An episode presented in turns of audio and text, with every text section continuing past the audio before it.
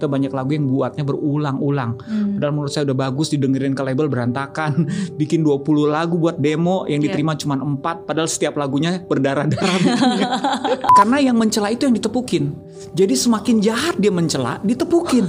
Semakin kasar kata-kata yang dia pakai, ditepukin. Daran itu ya kita semuanya masih diomongin dalam batas mimpi, you know, like Iya. gini, "Ah, kita nanti punya rumah di sini ya, kita nanti punya anak begini, kita punya mobil begini, right? Iya iya Kita betul. nanti eh, semuanya mimpi masih planning. But when you get married, mimpi-mimpi tadi ditagih. Sampai saya merasa capek gitu, perasaan pernah, ah, I'm, I'm gonna quit nih.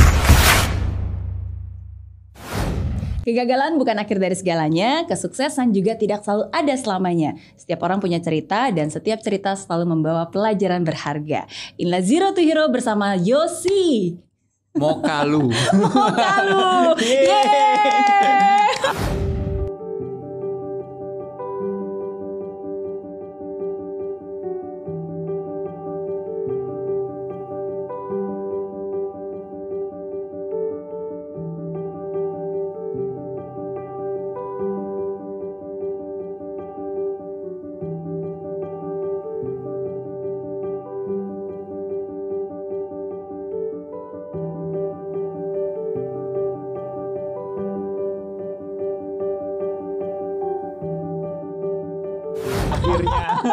Akhirnya aku jadi deg-degan loh. Gak apa-apa. Iya. Ada orang juga yang em, suka nyebut kita, saya jadi eh, em, apa namanya moka mokalnya di- dipisah mokal lu gitu. Mokal lu. mokal lu ya mokal kan istilah zaman dulu tuh mokal tuh malu malu Oh lu. iya, betul betul betul. Yosi Mokalu. Oke, tapi Mokalu itu sebenarnya is uh, Apa, marga? Manadonis marga oke oke, Gitu. memang lahir di Manado. lahir di Jakarta Lahir di Jakarta. kalau orang Manado bilangnya Manado Kart artinya Manado yang lahirnya di luar Manado terus jalan-jalan jalan jalan jarang pulang kampung nah oh itu gitu.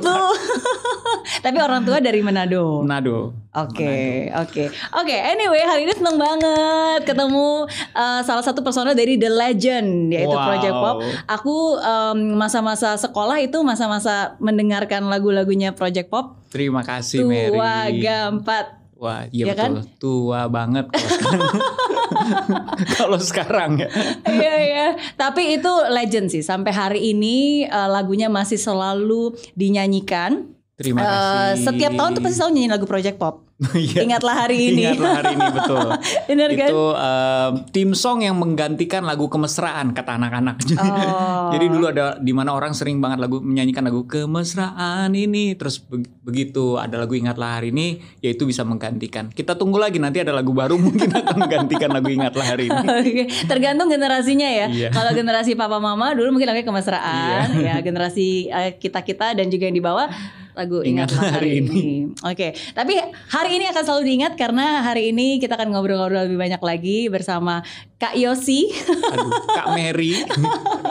Oke, dan di Zero to Hero ini kita selalu em, saya saya pribadi selalu percaya sih bahwa nggak ada yang kebetulan. Yes. Eh, ya itu tidak ada kesulitan yang abadi dan at the same time juga nggak ada ke- kesuksesan yang selalu abadi dalam arti kita selalu berada di atas terus Iya. pasti akan ada naik turunnya pasti akan ada prosesnya nah hari ini saya pengen belajar banyak dari Yosi gimana sih caranya untuk bisa bertahan dan bersabar dan berproses gitu Iya. oke pertama em, eh, kalau dari sejak project pop itu berarti dari sejak tahun berapa nih 96 kalau nggak salah ya Project Popnya 96, yes.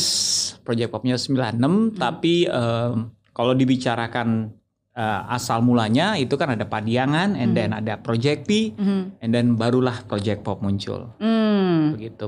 Padiangan sih lebih jauh lagi usianya. Iya iya. Oke. Cuman orang suka mixed up, maksudnya Hmm. antara apa sih bedanya Padiangan, Project P, Project Pop, Kelap Project. Wow. Oh iya. Apa bedanya? Kelap Project yang pasti udah paling nggak be- paling nggak nyambung. Iya iya. Iya kan, tapi memang bedanya lebih kepada eh, generasinya saja. Mhm. Padiangan tuh awal mulanya di mana eh, mahasiswa, pajajaran dan para hiangan mereka membentuk sebuah komunitas yang berkarya lewat kabare dan parodi. Hmm. And then itu eh, disukai and then berkembang menjadi em, Project P ya. Saya kalau nggak salah sih, saya memang tidak terlibat di masa-masa Padiangan memisahkan diri sebagian menjadi Padiangan, sebagian menjadi Project P. Hmm. Ya, saya bergabungnya setelah sudah berpisah. Dulu sempat ikutan Padiangan waktu mereka eh, melatih kabarnya di kampus Hmm. gitu. Tapi itu ada ceritanya sendiri sih. Kalau nggak karena itu mungkin saya tidak ada di industri hiburan Iya, iya. Gitu. Semua kalau misalnya kita ngelihat nih rencana dari dari sejak awal hidup kita sampai sekarang itu kesannya kayak banyak belok-beloknya. Tapi kalau kita ngelihat ke belakang ya semua itu memang bagian dari rencana Tuhan. Exactly. Iya kan? Iya. Oke. Nah, yang pertama, pertama kali aku tahu Yosi itu dari kecil sebenarnya sudah tahu apa bakatnya, udah tahu apa yang dia suka, udah tahu apa yang dia bisa. Yaitu eh, ternyata suka menggambar dan bisa menggambar. Iya, Dan memang pengen ditekuni untuk menjadi ya at least bidang seni rupa lah. Exactly. Hmm. Iya. Terus kenapa berbeda? Ya begini, jadi kan itu kayaknya sih semuanya menjadi sebuah eh, apa ya pemikiran yang umum ya. Hmm. Orang kalau kita tanya anak-anak sekarang nih, kamu mau sekolah di mana? Hmm. Ya kan, kamu mau melanjutkan sekolah di mana? Hmm. Kuliahnya di mana? Pasti semuanya akan melihat apa yang mereka eh, miliki. Artinya strength mereka di mana? Pasti berangkat dari situ kan. Oh, saya Hmm. kayaknya kuatnya di menggambar, saya kuatnya di em, matematika, saya kuatnya di di mana gitu. Yang menjadi kekuatan mereka lah yang akan mereka jadikan pilihan. Iya, betul. Saya mau merencanakan kehidupan saya seperti ini karena saya sudah tahu saya sudah punya dasar di sini. Iya. Ya sama, waktu itu saya pikir karena saya jago menggambar, pilihannya cuma satu tadinya, cuman cuman di Fakultas Seni Rupa dan Desain ITB. cuman itu aja. Jadi makanya saya merencanakan semuanya entah zaman itu ada bimbingan belajar yang di Jakarta saya fokus ke sana, terus saya sempat ke Bandung, saya juga ikut bimbingan belajar yang fokus untuk ke sana gitu kan. oke. Karena I know I can make I can make it gitu loh karena saya kalau ikut lomba pasti saya juara minimal juara dua lah juara tiga juara dua itu aja sudah prestasi jadi Iya. saya cukup percaya diri kan Bagus dong, kan nggak banyak orang yang di usia muda udah bener-bener tahu apa yang dia suka, apa yang dia bisa. Iya Bener nggak? betul in that uh, point betul cuma dalam perkembangannya nih kita mau menceritakan perkembangannya jadi Hmm. Iya. karena saya terlalu yakin jadi saya tidak mengambil kampus apa pun selain ITB oke Oke. at that time. Mungkin kalau orang mencoba banyak kan, kalau saya enggak, saya cuma oh, saya pasti masuk sana gitu ya. Terlalu ya, dari dulu orangnya terlalu pede ya, terlalu percaya diri. And then eh, apa yang terjadi di hari terakhir yang supposed to saya bisa pulang ke Jakarta hari itu, orang tua saya bilang gini, udah deh satu lagi deh, kamu buat jaga-jaga. Masa kamu lagi di Bandung, kamu nggak pengen sekolah di tempat lain gitu ya kan? Orang tua saya ngomong kayak gitu. Sedangkan saya sudah bilang sama mereka saya nggak tertarik di Jakarta saya mau Di keluar dari Bandung. Jakarta saya mau ke Bandung deh Bandung kayaknya enak nih gitu. At that time sih enak sih belum macet.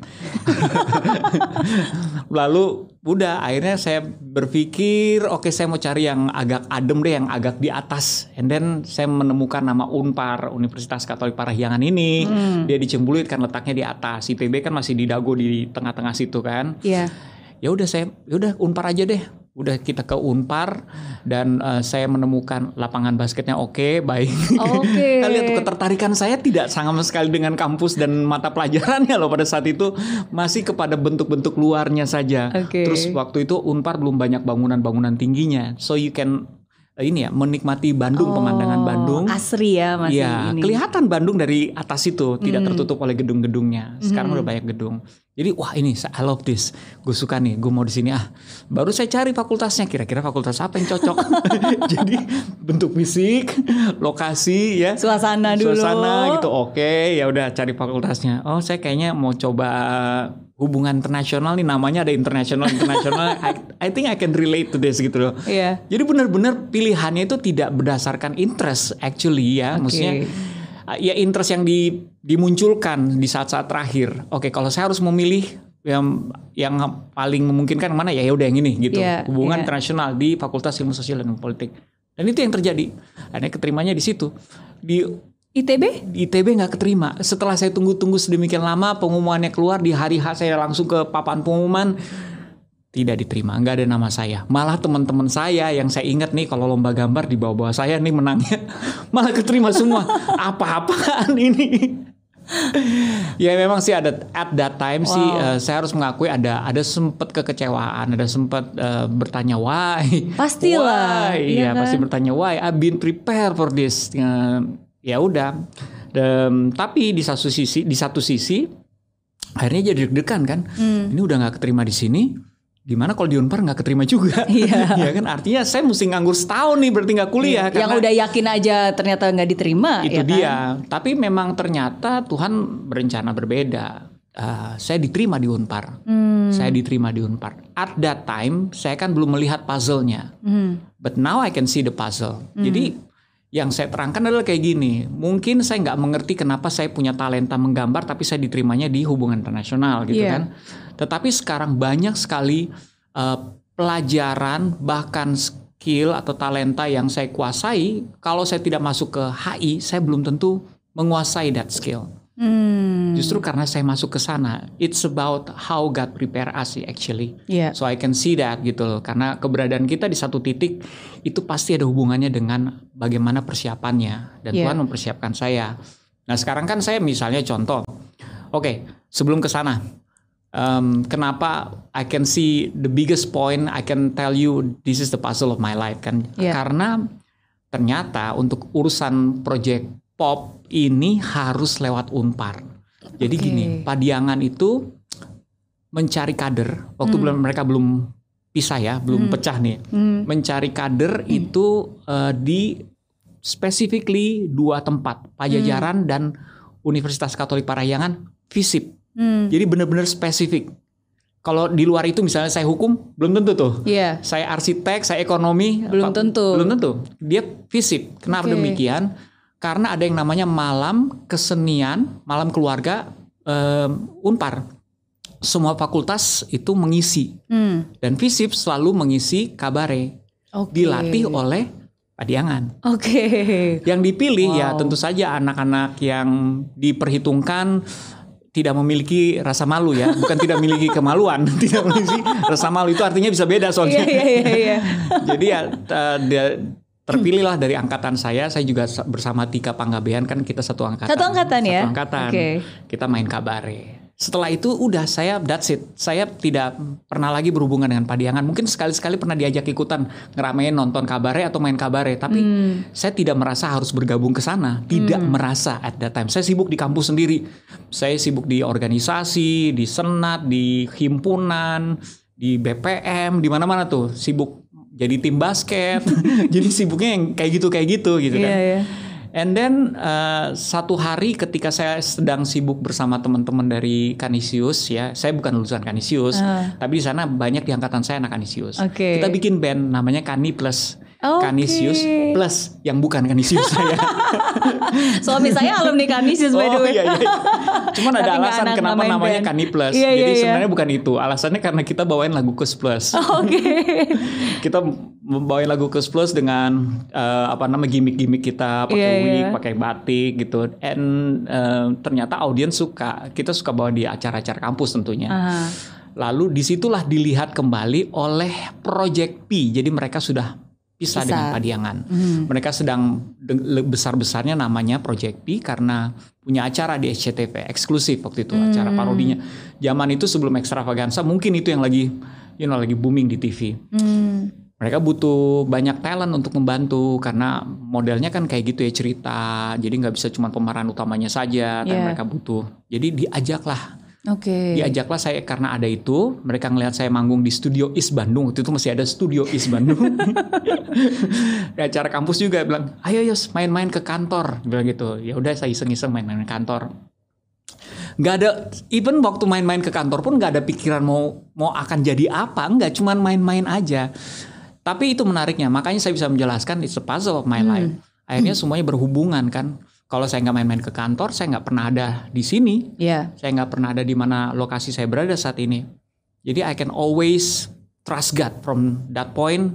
Berarti benar kita percaya sama Tuhan, pilihan Dia pasti yang terbaik buat kita. Hmm. Nah, yaudah saya main ke kantor, mulai dari situ terus tuh saya menemukan ke gairah baru ya. Kalau saya kan basket, eh, apa namanya gambar, tadinya cuma sampai situ kan. Iya. Eh, Nge-rap juga sometimes. Nge-rap juga. Oke. Nge-rap di kampus itu bareng Iwake dulu, Iwa kan bareng-bareng di Unpar juga. Tapi Satu angkatan juga. Satu angkatan. Iwake uh, mungkin kalau Mary kenal Adere, Adere juga Adere satu juga satu angkatan. Adere juga satu angkatan. Oh, wow. Cuman Adere akhirnya pindah ke UI. Oke, Dia oke. pindah ke UI. Sombong Keren-keren ya kampusnya ya. Banyak orang-orang he- hebat di situ. Iya ya lumayan ya. iya. kebetulan kali ya. Oh nggak ada yang kebetulan ya. Kamu nggak Nggak ada percaya kebetulan. Jadi semua orangnya. Iya, jadi ya itu eh, karena suka nge-rap, mungkin salah satu alasan juga akhirnya ketika Project P decided untuk regenerasi. Sebenarnya mereka sudah regenerasi dalam pertunjukan panggung, tapi dalam industri rekaman, recording and industry ini kan berbeda ya. Mereka mesti memilih lagi orang-orangnya untuk eh, bisa eh, ada di industri rekaman. Yang dipilih yang punya latar belakang menyanyi, yang punya latar belakang performance, ya. Jadi nggak semuanya menyanyi tuh kita bertuju. Tapi ya akhirnya saya terpilih. Itu it's a privilege for me karena saya tahu di saat itu saya bukan orang yang bergabungnya sudah lama. Saya termasuk yang baru bergabung baru setahun. Sedangkan yang bergabung udah lama lebih banyak gitu. Anggotanya ada 30 lebih waktu itu Project P. Jadi kalau saya terpilih it's a privilege for me. Hmm. Ya udah ikut akhirnya saya ikut. Dari situlah sudah mulai menemukan suatu gairah baru buat lagu Awalnya saya buat lagu rap karena kan saya bisanya nge-rap nih. Kalau disuruh bi- bikin lagu komedi saya nggak ngerti, tapi buat lagu rap oke Zaman-zaman lah. dulu nge-rap apa sih? Aku juga suka nge-rap loh dulu. Oh, iya. suka dengerin lagu rap doang. Harus coba nge-rap dong. Dulu cuma satu lagu yang aku selalu ingat banget yaitu Ice Ice Baby. Oh iya, iya iya iya iya. Itu doang Vanilla Ice, iya. Ice Ice baby. Iya. Iya. Alright stop. Collaborate and listen. Asik. doang. Iya iya iya iya iya. Oke oke. Ya saya macam-macam karena kita dulu bikin kru namanya OS Rapin Crew. Ya berhubungan dengan ra- Radio radio, OS, OS. di Bandung. Oh, OS wow, Rapin Crew. oke. Itu saya Iwa dan dua teman saya lagi berempat kita. Kita ngisi acara ya ada acara Valentine, ada acara em, salah satu em, ini saingannya KFC Texas. Waktu itu baru buka di BIP. ya. Oke. Jadi kita bikin saya bikinin rap buat itu. Kita saya sama Iwa nih kalau ketemu nih kita ada satu rap yang kita bikin bersama. Dia masih hafal tuh waktu itu saya cek nih, lo masih hafal nggak rap kita bersama? Dia masih hafal ternyata. Iya. itu ada kita bikin rap iseng-iseng dengan bahasa Inggris yang sok tahu pada saat itu ya. Tapi ya seru. Tapi I mean ya. dari dari situlah semuanya ada semuanya ada asal muasalnya. Hmm. Jadi jangan jangan pernah me- apa ya meremehkan kesukaan kita walaupun sepertinya malu-maluin. Hmm. Sebelum rap saya tuh suka bikin puisi dulu zaman SMP.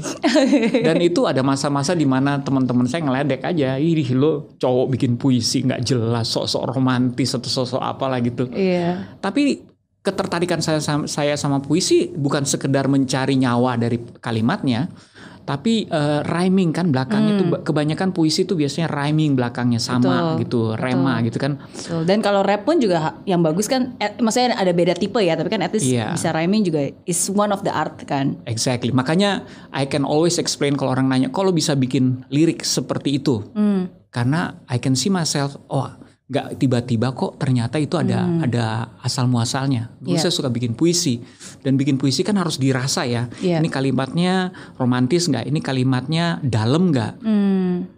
Sampai dikasih tugas bikin lagu-lagu di Project Pop yang setengah mati sulitnya. Buat saya setengah mati sulitnya. Sampai sekarang semua anggota personel Project Pop pasti mengakui buat lagu Project Pop itu sulit. Karena kita harus lucu, harus kreatif, you know, tapi tidak boleh terlalu cheesy. Lucunya bukan lucu yang kayak gimana. Hmm. That's hard. Itu standar yang sulit. Kita menyulitkan diri kita sendiri sebenarnya.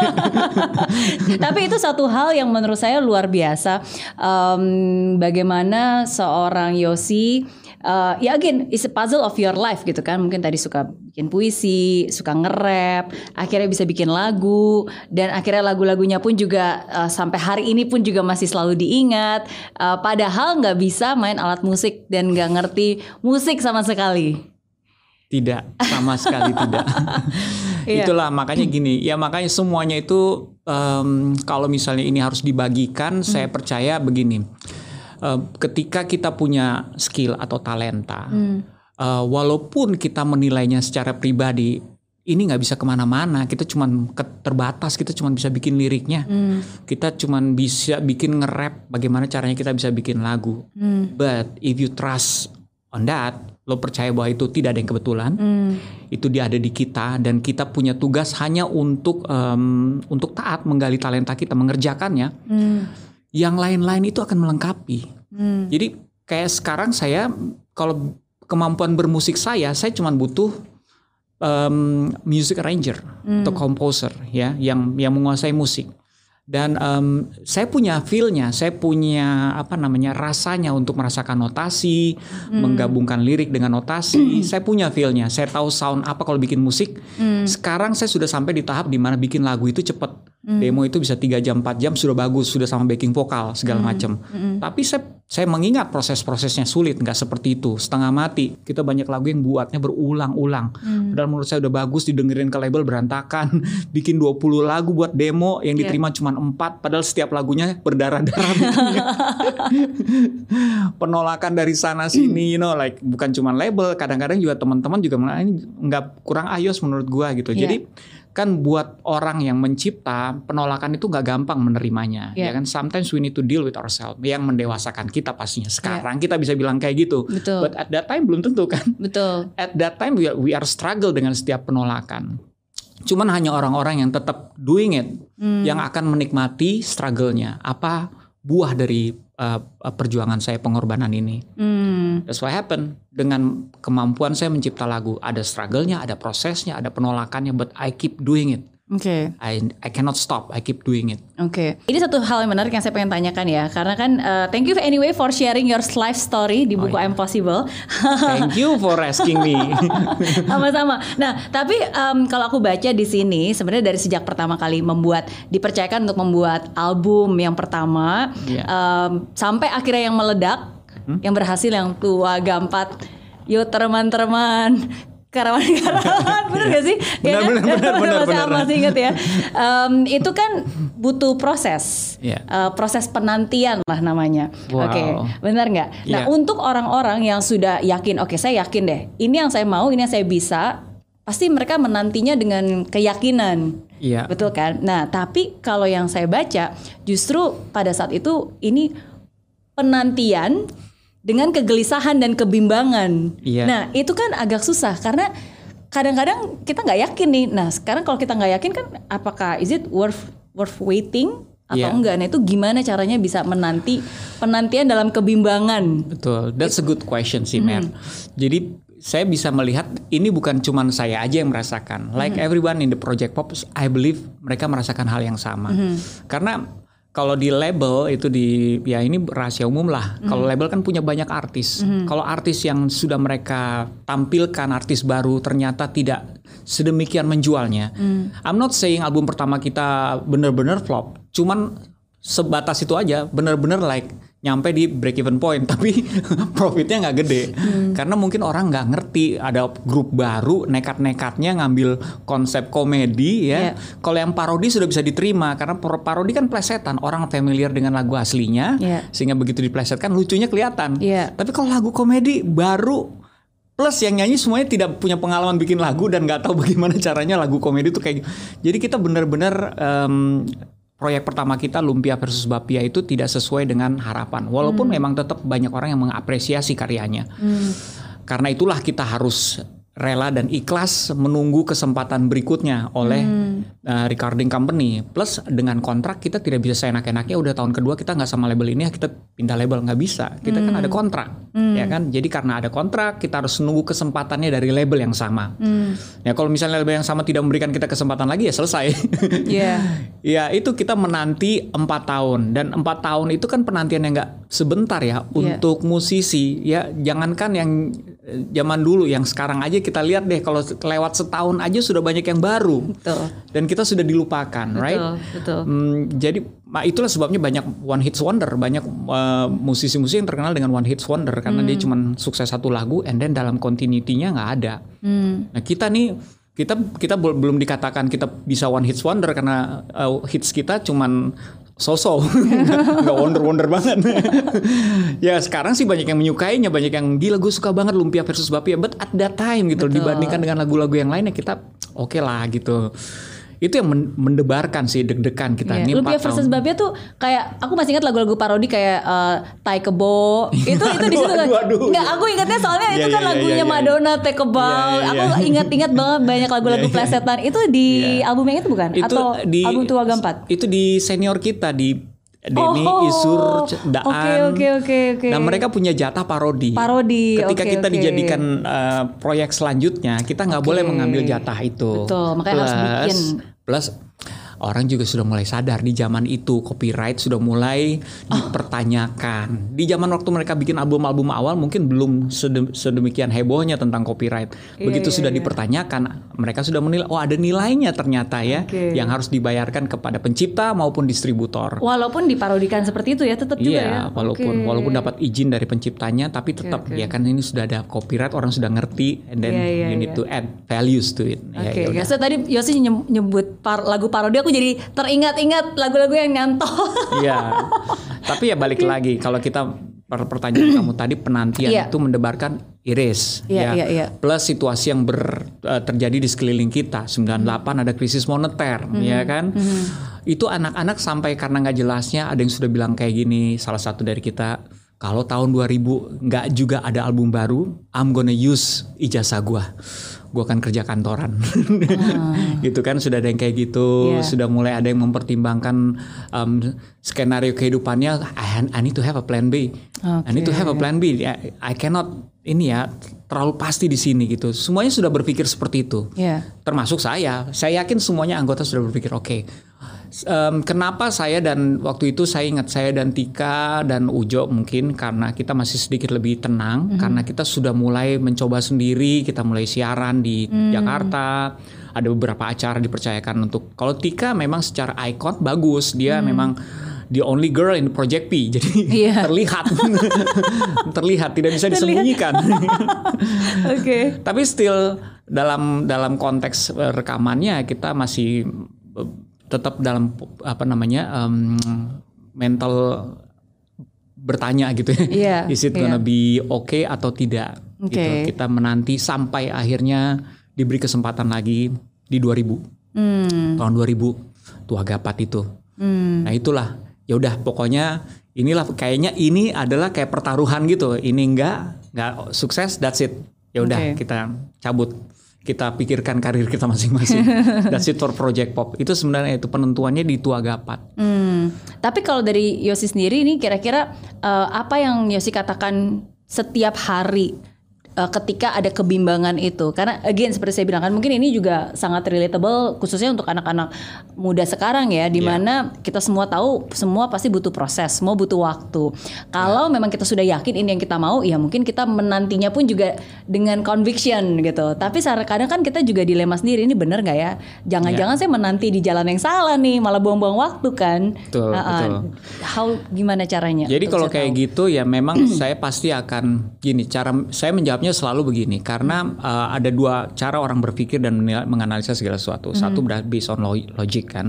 Logika dia melihat dan mem- membandingkan dengan apa yang what's going on pada umumnya. Ya kalau kayak gini ya berarti biasanya terjadinya begini, logikanya begitu. And then kalau di situ kita tidak menemukan jawabannya, the the rest is talking about uh, faith, talking about your spiritual connection with you know pencipta kamu. Masa sih saya diciptain untuk cuman jadi orang yang sia-sia saja, you know. Iya. When you talking about faith ya kita berarti berlandaskan apa yang belum kita lihat kan. But we gonna have we, we just have to believe.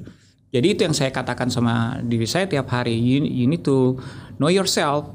Masa balik lagi ke pengenalan diri kamu, you already know yourself. Kamu sudah sampai di level di mana kamu mengerti kamu berharga. You are worth it. You are uh, valuable. Kamu punya talenta. Just believe itu bukan untuk kesia-siaan, itu untuk sesuatu. So I just always have to itu tells myself things like that. Jadi um, it- se- sejak itu karena saya memegang prinsip yang seperti itu, saya menjadikan diri saya um, apa ya mengejar apa yang bisa menjadi berguna buat diri saya dan orang lain. Oke. Kalau saya harus bikin lagu eh, apa namanya tidak dibayar pun, I'm just doing it. Ya, seperti itulah. Maksudnya I just uh, cari yang ke sana passion, yang you know you willing to sacrifice without even getting paid, something like that.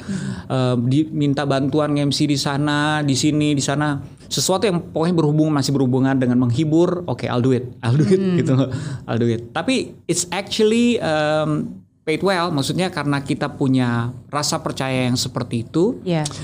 Akhirnya kita tidak menghabiskan waktu kita hanya dengan complaining dan ketakutan Ya. tetapi kita menghabiskan waktu kita dengan sesuatu yang berguna karena kita kita nggak tahu apa yang hal-hal kecil yang kita pikir kecil Ya. tetapi begitu kita lakukan secara konsisten bantu orang lain you know membuat sesuatu create sesuatu akhirnya itu juga menambah skill kita supaya lebih siap lagi di musim berikutnya bukan Hmm. jadi em, karena saya menolak untuk untuk menunggu dengan kesia-siaan Iya. and tells myself you know what you can be better than this gitu. Jadi wake up, isi waktu-waktu santai kamu dengan sesuatu yang berguna ya udah. I just doing it. Mau bikin lagu apa segala macem. I just process myself. Iya. Dan akhirnya I- I'm ready in the next season. Iya, iya. That's that's a very good point sih. Karena menurut saya um, kita semua punya tugas masing-masing ya. Tuhan punya tugas yang masing-masing untuk bisa menyusun puzzle-nya. Tapi kita sebagai ya manusia, kita juga punya tugas masing-masing ya terus aja melakukan sesuatu yang berguna. Dan Iya. sebenarnya dengan kita melakukan lebih banyak hal itu kan sebenarnya juga membantu Tuhan untuk mengarahkan kan. Karena kalau kitanya diem aja juga Tuhan mau ngatur pun ah, ini manusia kok susah banget sih digerakin gitu ya nggak sih? Iya, betul. Tapi dengan kita melakukan ini melakukan itu ya jadi uh, otomatis itu juga sekaligus meningkatkan skill kita ya dan sekaligus membuka kesempatan juga. Betul. Hmm, ya karena kan uh, ukuran kesuksesan kan bukan hanya berdasarkan cara pandang kita yang dikotak-kotakan label lah apalah dapat Iya. ini dan seterusnya bisa jadi ada banyak hal juga yang penting berguna seperti yang tadi Yosi bilang. Ya. Iya. Itu sesederhana itu sih sebenarnya how I put it. Jadi saya bisa mem- apa namanya em, membawa pesan yang sama kalau orang bertanya. You just focus not on yourself only, just make yourself uh, contributing to others gitu, berguna bagi orang lain. Karena kamu dikasih tempat sama Tuhan bukan cuma untuk belajar dan bertumbuh, tetapi juga berguna. That's your function. Kita cuman kadang-kadang cuma mau belajar dan bertumbuh sehingga tidak ada ketika kita melihat segala sesuatunya kayaknya nggak bertumbuh, we're stop doing things. Nah itu yang bahaya. Hmm, Oke, belajar bertumbuh sehingga bisa menjadi berguna. Tiga itu harus ada, ya. Ya. Oke, Em, salah satu kata yang sangat saya ingat nih dari Yosi. Yosi pernah bilang dan saya setuju banget. Eh, Yosi bilang Tuhan itu suka menggunakan orang yang mau daripada yang mampu. Iya, true. How does that relate to your life? Em, saya sih sebenarnya banyak nih cerita yang kayak gitu kayak gitu ya. eh bener maksudnya Tuhan lebih menggunakan orang yang yang mau daripada yang mampu. iya. Mhm. Ya, selain dari cerita-cerita yang saya baca juga ya, mak- uh, the way I see orang-orang yang Tuhan pilih di you know in the Bible juga orang-orang yang bukan orang-orang yang mampu, orang-orang yang mau. Em, dalam kehidupan saya pun demikian, banyak sekali kesempatan di mana saya merasa nggak mampu, tetapi eh, saya merasa tidak nyaman kalau saya menolaknya, dan saya merasa bahwa I've been prepared for this. I just need to you know to berani aja to take it gitu. Ini lucu kalau saya ceritakan 98 sebenarnya saya ikutan dalam pesta reformasi tersebut di Gedung Sate. Ini contoh ya. Oke. 98. Di situ pun sebenarnya sama, nggak jauh beda. Banyak mahasiswa yang dikasih panggung tapi tidak tahu mau ngomong apa. Oke, that's what happened. Ribuan orang di depan gedung sate.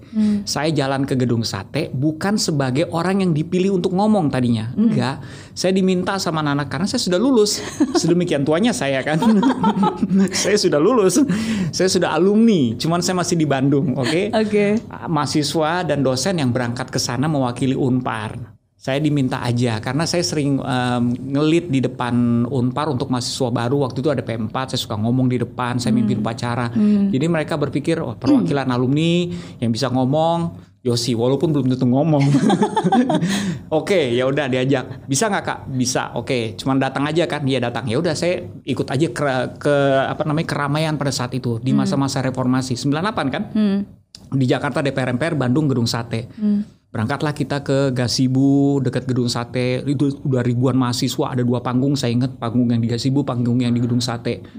Tapi kita panggung utama gedung sate. Kita nggak bisa dengar apa yang apa yang diucapkan nama gedung sate karena kita ngantri jauh. Tapi begitu kita semakin dekat, karena ada giliran yang nggak bisa semuanya langsung naik ke atas panggung. Udah ada panitianya. Nih gilirannya berikut siapa.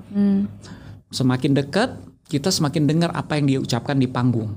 Oke. Unpar udah siapin, kalau dosen saya sudah siapin surat pernyataan mahasiswa Unpar, ya kan udah siapin tuh, Iya. udah tinggal dibacain. Makin deket, makin deket, kita mendengarkan ini. Ini sorry to say ya, saya cuma menceritakan apa yang benar-benar terjadi. Tidak ada satupun, saya bisa saya bilang kayak gitu, yang isinya itu benar-benar menunjukkan seorang mahasiswa. Karena isinya cuman cuman mencela, mencela dan menghina uh, Presiden Soeharto pada saat itu gitu. Saya sih tidak, saya bisa mengerti dalam konteks bahwa banyak yang mungkin selama ini karena tertekan untuk bersuara, itu kesempatan mereka untuk bersuara, mena- meng- menggunakan kebebasannya.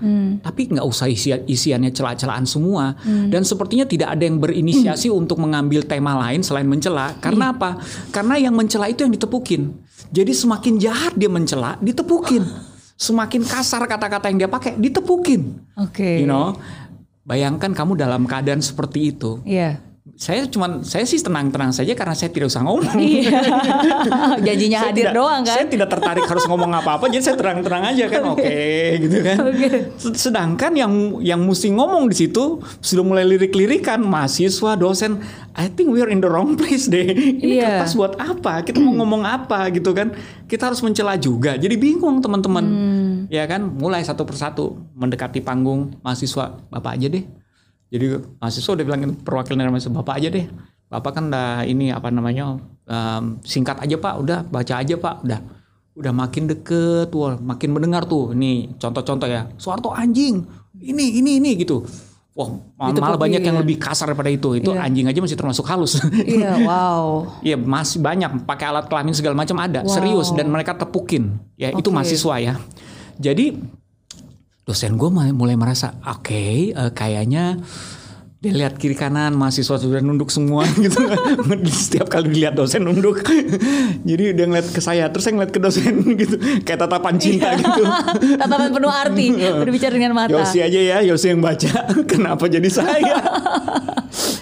But at that time ini kan ingin menjawab pertanyaan Tuhan memilih siapa yang mau bukan yang mampu. Iya. I I actually tidak merasa harus ngomong pada saat itu.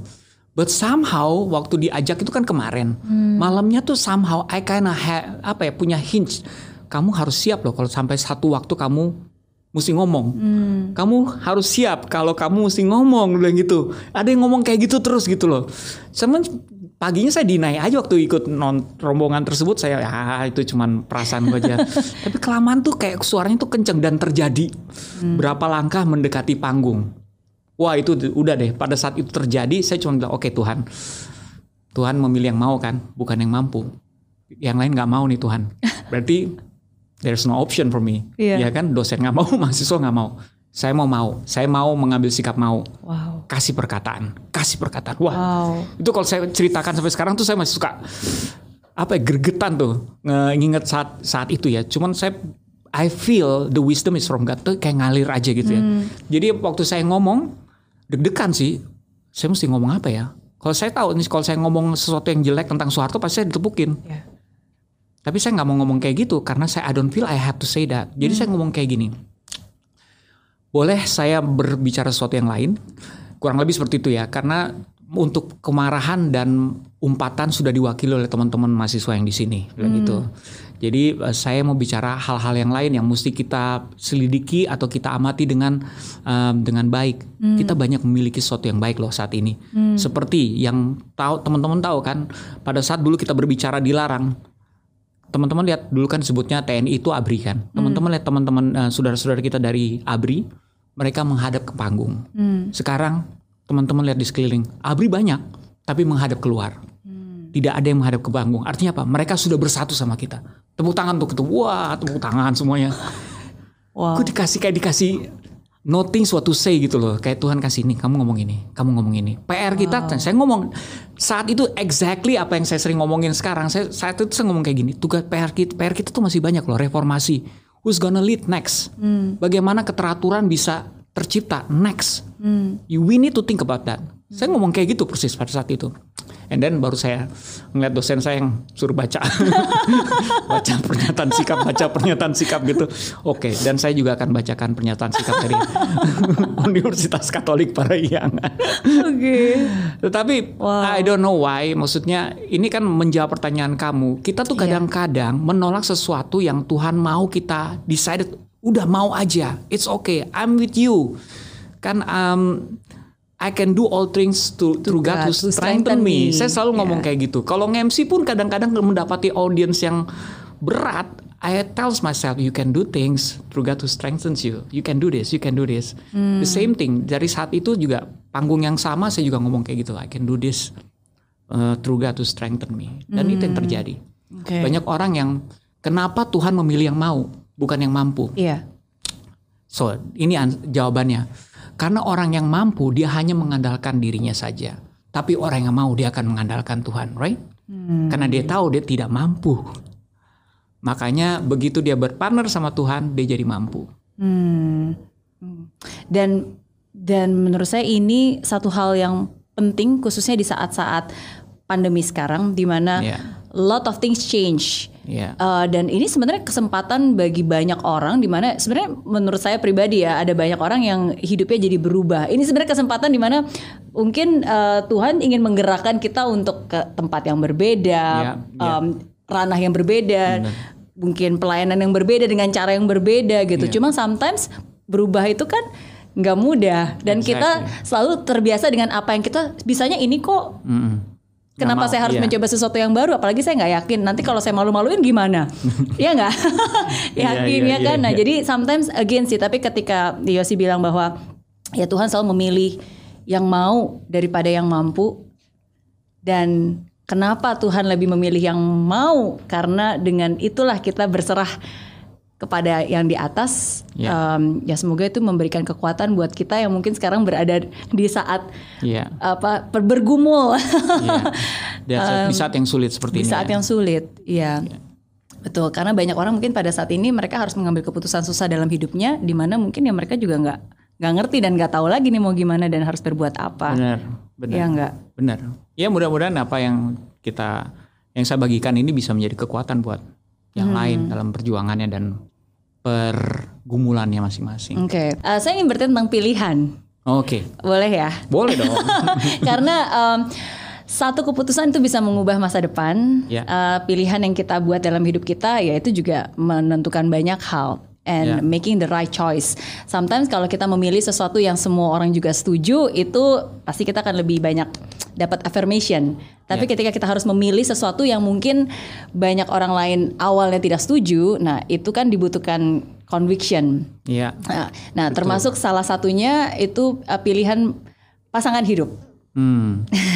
Oke. Yes, kenapa? Karena again, zaman sekarang anak-anak muda ini juga menjadi dilema ya kan, is he the right one, is she the right one dan dan kadang-kadang mereka punya kacamata yang berbeda-beda. Nah, Yeah. sedangkan uh, Yosi sendiri menurut saya punya pengalaman yang luar biasa and how you can actually build the family sampai hari ini. Uh, padahal di awal itu juga bukan pilihan yang mudah untuk uh, menikah dengan seseorang yang mungkin bukan um, apa ya, mungkin memang sebelumnya sudah pernah berkeluarga. Iya. Mm. Iya. How do you know that this is the right one and how do you convince uh, the rest? Ya, jadi em, gini ya, em, pasti I don't know if I answer this semua orang bisa mengerti ya. Cuman em, kadang-kadang keputusan kita itu sangat besar dipengaruhi oleh eh, cara berpikir kita, yang dan cara berpikir kita beda-beda. Ada cara berpikir di mana kita belum melihat diri kita se- sejauh itu. em, kita hanya menganalisa dengan apa yang dekat-dekat dengan kita, yaitu ya kecenderungannya diri kita, menguntungkan diri kita nggak, menyenangkan diri kita nggak. Em, saya di saat itu sudah nggak tahu ya, saya cara berpikirnya mungkin sudah sejauh itu, jadi melihat bahwa em, when you decided untuk committed dengan new level of relationship, bukan pacaran lagi, Nikah ya? Iya. Em, kayaknya you need to be uh, aware of this thing bahwa bukan cuman saja uh, kebahagiaan yang kamu kejar karena kebahagiaan itu kan biasanya orang kalau merit that's the only thing. Gue akan bahagia dengan this person, ya kan? But how um, uh, proses apa yang bisa kamu ciptakan melalui um, pernikahan ini? Would you would you karena gini, saya percaya pernikahan itu bukan cuma sekedar mengejar bahagia, mengejar keturunan, mengejar stuff like that, tetapi juga kehidupanmu masih ada setelah menikah. Means like um, kamu juga akan dibentuk setelah menikah to become a person, to become somebody yang masih ketika kita masih uh, hidup di dunia ini, kita punya role sebenarnya. Ya. Jadi kalau kita berpikir sejauh itu di luar keluarga, maksudnya keluarga adalah faktor pendukung keberadaan kita di di dunia, maksudnya di Indonesia, di Jakarta, keluarga itu faktor pendukung. Apa yang berangkat dari rumah itu akan membuat kita em, mempengaruhi kegiatan kita di luar rumah. Kalau di rumahnya berantakan, di luar rumah juga berantakan, Iya kan?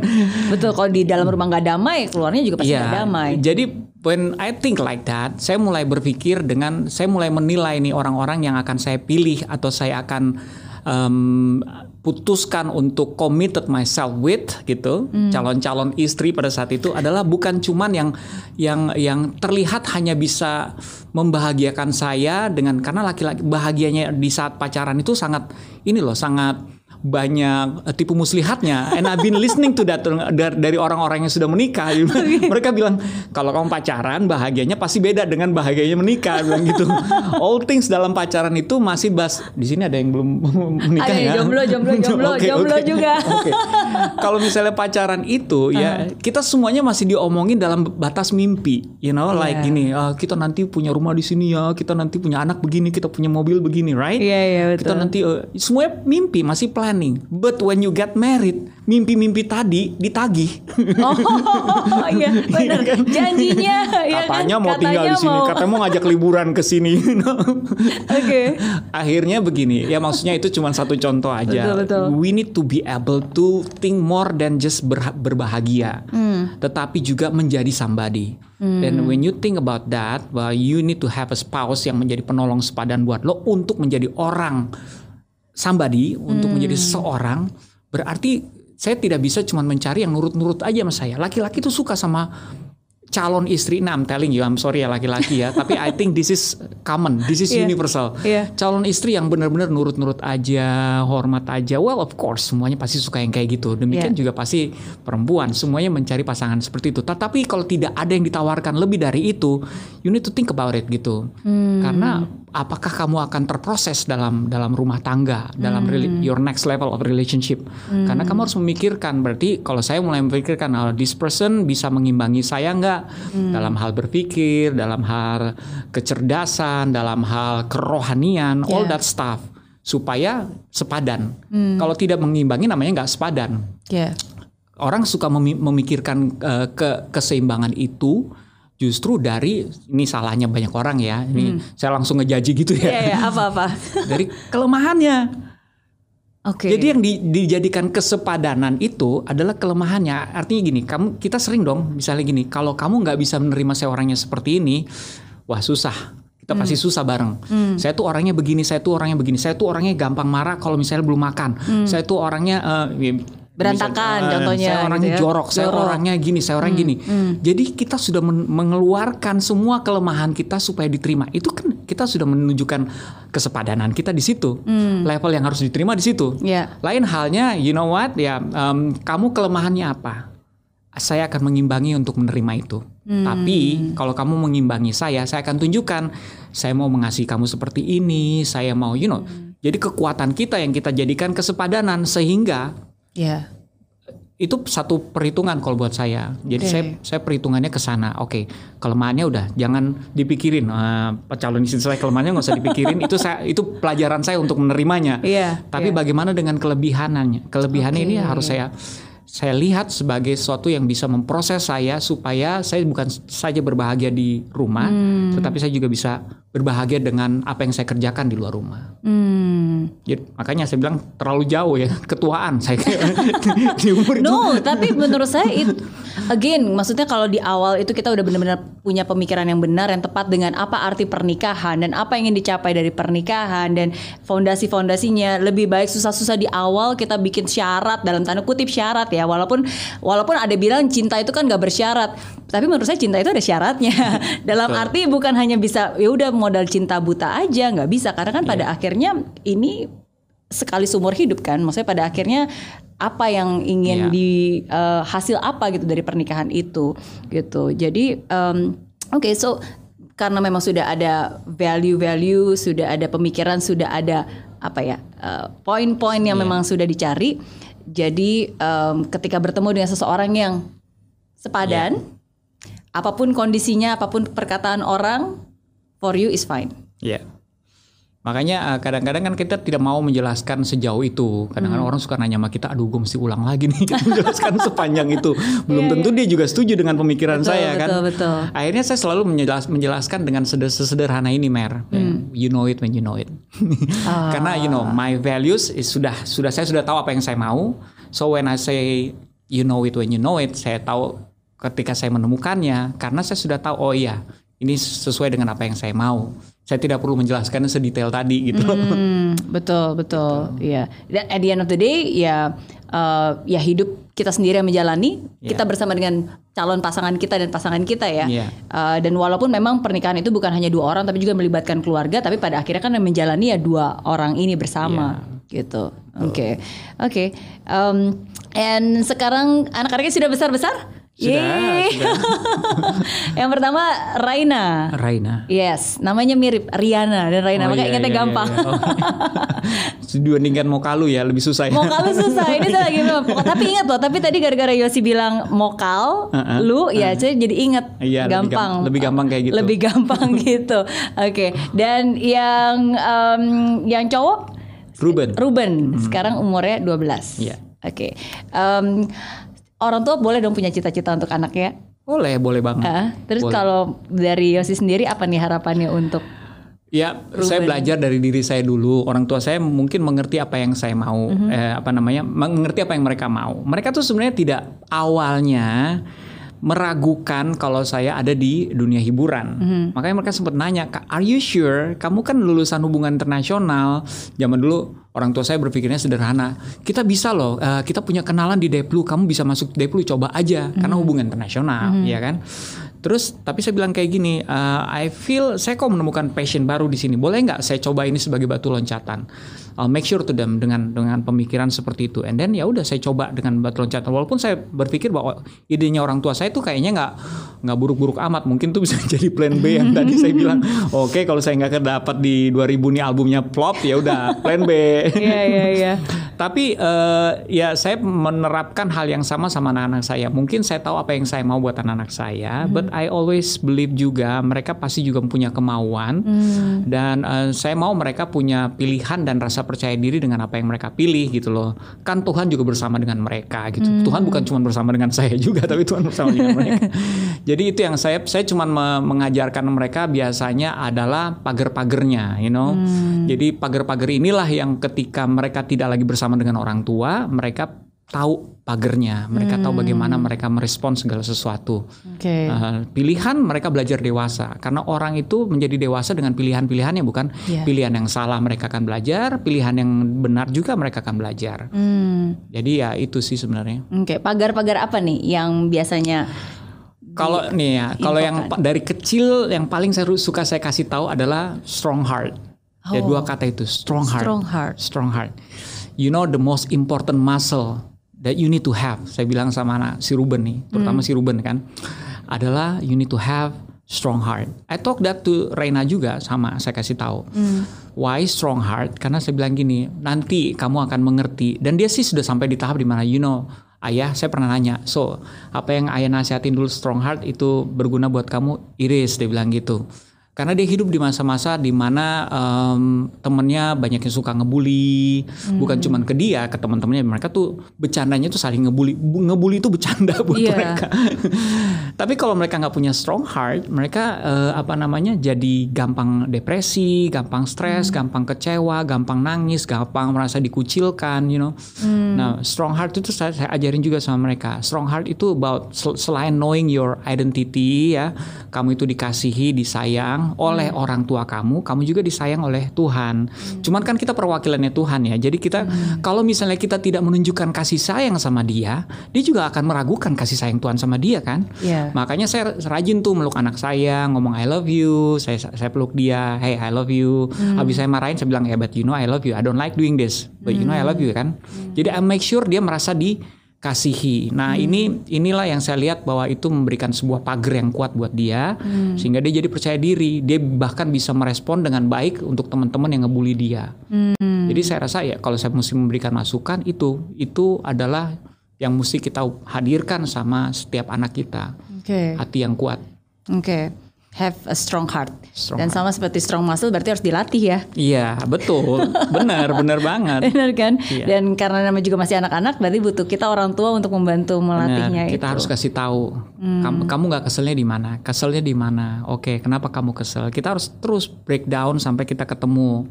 Nanti kita balikin lagi dengan konsep strong heart tersebut. But you know what? Ini kan yang mengganggu itu kan sebenarnya yang terganggu siapa? Hati kamu kan? Yang terganggu Yeah. pikiran kamu. Can you change everything that happen outside you? No, right? yeah. Bahkan kamu tidak bisa prediksi, tahu-tahu datang aja. It just happen. Betul. But how you so how you respond is im- important, right? Iya, iya. But that's a very good point untuk mengarticulate apa yang dia rasakan. Jangan begitu oh, anak-anak kesel dan marah terus orang tua jangan Iya. marah-marah ngapain sih kesel-kesel ya kan udah tenangin diri tapi ditanya gitu. Iya. How you feeling? Kenapa? Apa triggernya? Apa yang kamu rasakan dan sumbernya apa? Iya. Terus again tadi dikasih pendampingan dan Iya. di di apa ya? di dibantu lah. Iya, kita harus harus eye, eye to eye kan, harus uh, saat uh, apa namanya kalau menasihati anak itu kan orang orang dulu bilangnya harus kalau misalnya kamu lagi berdiri anak kamu duduk ya kamu Iya. eye to eye gitu kan. Tapi dalam bahasa juga sebenarnya kalau kita bisa eye to eye apa ya uh, bahasanya sama sama mereka akan lebih mudah diterima. Nah, yang suka di skip sama orang tua adalah mengerti mereka sehingga bahasanya jadi nggak sama. Cuman bisa ngelarang. Sedangkan mereka yang mereka butuh bukan larangan, reasonnya, why, Hmm. why, why-nya yang mereka butuh, Ya. bukan larangannya. Kamu jangan gini, kamu jangan gitu. Ya kenapa? Kok teman saya boleh? Kita nggak bisa menjelaskan. orang tua banyak nggak bisa menjelaskan. Karena dengan penjelasan akhirnya mereka jadi belajar Iya, kan. Kalau mereka nggak dijelaskan, penjelasan dan tahu. pengakuan. Karena gini, Oke. mereka bisa balikin loh. Kamu jangan main gadget mulu gini-gini.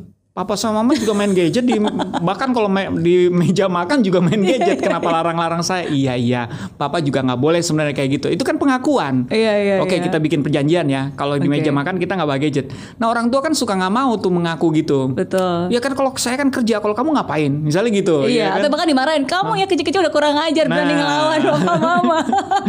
Jadi mereka butuh reason dan butuh kerendahan hati dari orang tua untuk mau mengajarkan mereka. Oke, oke. Wow.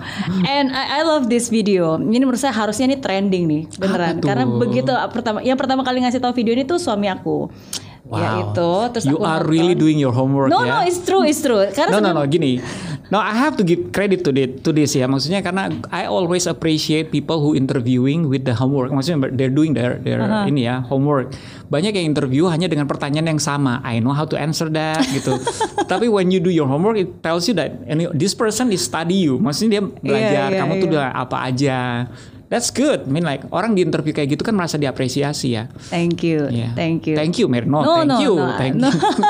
aku yang teguh. Tapi ini beneran. Ini sebelum aku ketemu Mama Yosi, eh, sebenarnya waktu itu my husband show this video in YouTube gitu. Terus eh, mungkin karena sama-sama father ya. Jadi em, dan aku nonton. Oh. I know. By my side Ya, ya. and it's Oh. amazing gitu. Aku aku nonton ini. This is harusnya tuh yang kayak gini gini yang yang trending yang dinyanyiin iya, iya. sama Iya. keluarga and like Ya. aku tuh nonton gini ya ini eh Nangis nggak?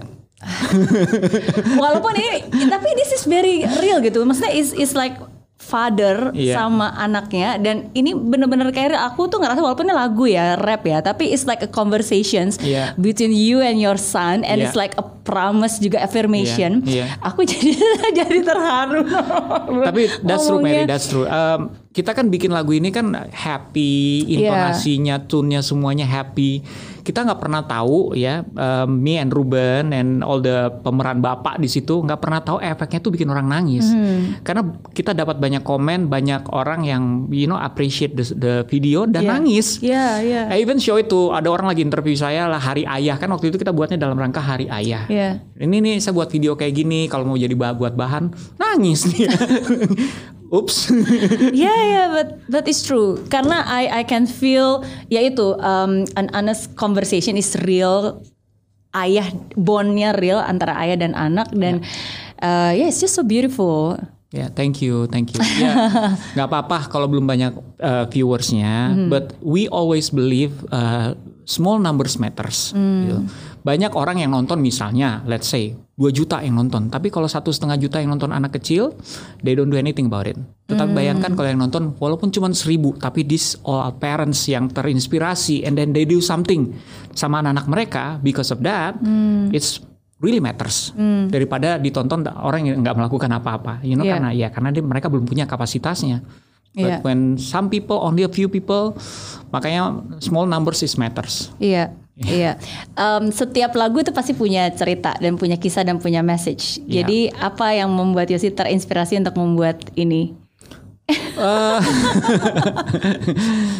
banyak sih em, ya tentu saja pengalaman saya dengan ayah saya ayah saya eh, dulu memang em, dibesarkan dengan keras oleh ayahnya juga sehingga dia membesarkan saya dengan keras saya sudah sampai di season di mana saya bisa mengerti it's eh, ya mungkin karena background banyak orang dengan background yang demikian akan melakukan hal yang sama kepada anak-anaknya.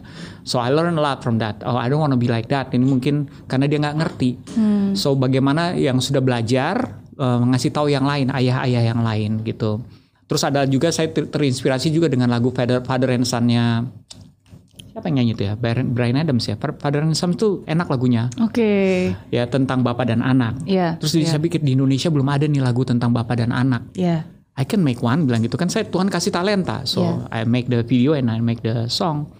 Jadi ada dua alasan itu. Pertama saya mengalaminya sendiri. Iya. and I feel like kalau saya tuh orang papa saya tuh ma- sampai saat ini masih kaku kalau untuk meluk dan bilang I love you. Gitu kan di pesan lagu tersebut kan kita kasih pesan ya. Betul. Belum pernah ya? Hug your son bilang I love you sebelum terlambat. Karena waktu begitu mereka gede kalau kamu jarang melakukannya mereka malu digituin. Iya. Iya. kan? Jadi ya itu karena orang tua saya, papa saya terutama malu-malu kalau kayak gitu karena dia tidak dibegitukan mungkin sama orang tuanya. So I don't want that to happen to all fathers di Indonesia. Jadi kita bikin we need you need to do something about it. Ya udah bikin video, bikin lagu and then Iya, aku ingat kata-katanya nanti ke jangan malu pegang Oh, iya. gandeng papa eh, apa jangan malu gandeng, Gandeng tangan tangan, pacarmu. pacarmu. Jadi jika nanti jika besar nanti kau malu gandeng tanganku, ya kan? Iya. Jangan sampai kau malu gandeng tangan pacarmu. ya kan? Terus anaknya si Rubennya bilang, "Iu." Iu, ya. Karena masih anak-anak ya. Maksudnya masih 12-an lah. Coba kalau nanti dia udah Iya. udah lebih remaja. Jangan kan ra- pegangan rangkulan kali. Oke, tapi tapi it's good sih. Menurut saya ini ya salah satu how you can uh, make use of your talent uh, untuk bisa menyampaikan sebuah message yang nggak menggurui tapi membuat kita yang nonton, yang dengar, yang ikut menyanyikan, apalagi kalau nyanyi sama anak-anak itu maksudnya eh sesuatu yang diingat dan sampai ke hati gitu. Bukannya cuma didengar di kuping tapi we we really feel something. Thank you. Ya, it's nice. Harus sering-sering dong buat lagu-lagu kayak gitu. Iya, ada yang baru eh, tapi berhubungan dengan literasi digital. Nanti kamu nonton deh. Aku sejak kecil judulnya. Oke, oke. Aku sejak kecil di Cameo Project atau di Cyber Kreasi channel YouTube-nya. Hmm, oke. Mau nanya lagi boleh? Boleh, boleh. Ngobrol aku suka banget. Boleh. You have all the time in Banyak the world. nanya ya. Oke, enggak. Aku mau nanya tentang kalau tadi kan kan Yosi itu eh, orangnya very positif ya. Maksudnya um, especially pasti juga kamu di raise oleh orang tua yang sangat luar biasa yang menanamkan value-value itu ke kamu, ke ke Yosi dan sekarang juga ditanamkan kepada anak-anak. Um, terus juga lagu-lagunya juga lagu-lagu yang yang fun, yang positif, komedi gitu. Tapi pernah nggak sih mengalami titik terendah dalam hidup kalau kita ngomongin zero to hero? You know, have you ever been in your zero lowest point in your life? Um, ya mungkin kalau saya ingat satu persatu ya. Uh, a lot of a lot of uh, seasons like that tapi mungkin tidak lama untungnya karena I have uh, I can say if you have a good uh, spiritual connection with your creator hmm. it helps you a lot karena kamu tidak akan terlalu lama um, dalam kondisi yang hmm. tertekan hmm. karena ya kita akhirnya belajar you know thing maksudnya kalau bicara soal um, apa namanya pekerjaan tadi sudah dijelaskan yeah. um, penolak apa namanya penolakan penolakan ya kan dari karya-karya berhubu ber deal with project pop you know karena walaupun kita kelihatan fun bukan berarti kita tidak ada prosesnya kita ada prosesnya mm. basically uh, orang kreatif itu punya pride kan biasanya ya mm. pride kenapa karena kita harus bangga dengan karya kita dan harus punya punya rasa percaya diri ketika kita mempresentasikannya mm. pride-nya bagus kalau sampai situ tetapi yeah. kalau itu menjadi sebuah keras kepala dan kesombongan itu biasanya susah ya kan itu yang harus di sesuaikan, dirubah hmm. dalam chemistry sebuah kelompok. Okay. Nah, kita ada masa-masa seperti itu. Sampai saya merasa capek gitu, perasaan pernah, ah, I'm gonna quit nih misalnya kayak gitu. ya ada ada lah, ada masa-masa seperti itu. Yeah. Atau misalnya dalam Uh, paling banyak juga orang mengalaminya di selain dengan orang tua. Saya masa dengan orang tua pernah berantem waktu masih, kecil lari dari rumah. Ya hal-hal seperti itu. Pernah? Ya ada, maksudnya ada, ada bandel-bandelnya Bandel ada gitu. Tapi balik lagi karena I have a spiritual connection ya. Kayak hmm. Tuhan tegur kamu ingat loh ya. hmm. Saya kan berkali-kali bilang hormatilah orang tuamu. So I, I always tells that to yang sekarang anak-anak sekarang karena belajar dari pengalaman. Saya bilang one thing that you need to know ada yang dipilihkan oleh Tuhan sama kita yaitu orang tua. Orang tua itu bukan pilihan kita. Hmm. Dan God never wrong. Kalau dia berencana, dia punya alasan kenapa kita punya orang tua seperti itu. Dan hmm. orang tua hmm. seperti itu pun lahir dari orang tua yang seperti apa. Mereka pun sudah didesain sedemikian rupa. It's all by design. Kan tidak ada yang kebetulan. Hmm. It's all by design to make you what you are right now untuk hmm. menjadikan kita apa adanya kita kita butuh kelemahan dan kelebihannya orang tua kita hmm. so ya yeah, to think like that ya udah saya sudah mulai menyadari di masa itu mungkin saya ada rebellious sama orang tua kabur dari rumah ngelawan orang tua berantem sama orang tua dipukul sama orang tua ada masa-masa rebellious yeah. seperti itu tapi saya sudah belajar semuanya I shouldn't do that I should respect my parents more gitu hmm. makanya kan banyak karya yang saya keluarkan karena saya belajar gitu hmm. terus dalam hal relationship juga ada ada yang pacaran udah lama nggak jadi itu kan belajar juga you know yeah, yeah. Tuhan pilihkan yang terbaik kok buat kamu yeah. kalau kamunya cuman uh, sibuk mengasihani diri kamu you're not going anywhere mm. but, but you need to um, apa ya embrace it like the word right word apa ya and be grateful gitu ya. Yeah. It's okay, you know, ada yang lebih baik kok daripada yang kamu rasa sekarang terbaik gitu. Mm karena ya itu ya balik lagi um, I believe God is a great designer dia alpha dan omega so he knows what's gonna happen to you betul just trust him betul betul betul he knows your past your present and your future yeah, gitu iya. kan yeah. cuman ya kedewasaan itu memang harus bertumbuh dari rasa sakit hati kalau menurut saya hmm. karena when you feel the pain and then you feel how uh, God uh, membuat kamu lebih tenang, hmm. lebih soothing. Itu namanya experience. Okay. Banyak orang yang bertumbuh karena knowledge, tetapi orang pasti lebih hebat lagi bertumbuh karena experience. Hmm. You know, kalau misalnya knowledge tuh kayak gini, lo lo ada orang nanya, kamu pernah keselio nggak? Wah, eh kamu tahu keselio nggak? Tahu keselio sakit tuh pasti gini gini gini. Tapi dia belum pernah mengalaminya. And then you ask the same question sama orang yang pernah keselio pernah keselio nggak? Pernah. Aduh gue nggak mau lagi deh. Amit amit yeah. jawabannya sama tetapi yang satu pernah mengalaminya. Mm. it's the same thing dengan kedewasaan. When you say something menjawab sesuatu kita semua bisa menjawab dengan jawaban yang sama. Betul. tetapi orang yang dewasa itu biasanya karena dia mengalaminya. So when he answer it dia akan menjawabnya lebih lebih dalam. Mm. kenapa? Karena he been there and he knows what to do. Dia tahu apa yang harus dia lakukan. Kalau yang satu masih kata orang, katanya sih sakit ya. katanya kalau udah kayak gitu kita urut aja katanya. Katanya. Tapi yang satu udah pengalaman, you know, nggak bisa sembarangan urut loh. Kalau urutnya salah bisa gini, you know, jawabannya lebih dalam kan. betul, betul, betul. Karena dia pernah mengalami. Iya. Iya, iya. Termasuk cinta. Kalau lu belum pernah putus cinta, ya kan, belum pernah sakit hati, belum pernah ditolak, you know, you never been there and you never survive from that kind of situation. Kamu nggak bisa tuh orang yang lagi putus cinta, lagi sakit hati datang sama kamu terus get asking you for your advi- advice gitu ya. Nasihat gue harus gimana dong? Gimana ya udahlah, gitu paling gitu Iya, doang. iya. Ya udahlah, pasti masih banyak yang lebih baik daripada dia. Ya, you cannot feel him. You Iya. cannot give the empathy, you cannot give the sympathy karena Iya. you never been there. Ya, berarti benar kata orang ya, harus terlatih patah hati. terlatih sakit hati, patah Sheila on hati. Seven apa Endang apa itu ya? Endang Aduh, nggak tahu. Sukamti ya. Endang. Oh iya iya Iya, iya, iya, iya. Terlatih patah Tuh, kan hati pada gitu ya. Oke, oke. Tapi di saat em, titik terendah atau di saat pasti Yos, Yosi pernah dong ngalamin pernah nggak sih ngalamin saat-saat di mana kayak udah hampir menyerah, udahlah kayak there's no way out, like you just like feel very Enggak, saya sih hopeless, enggak? saya bersyukurnya eh, tidak membawa diri saya sampai Di that- titik itu. that deep sampai di titik itu gitu Oke. loh.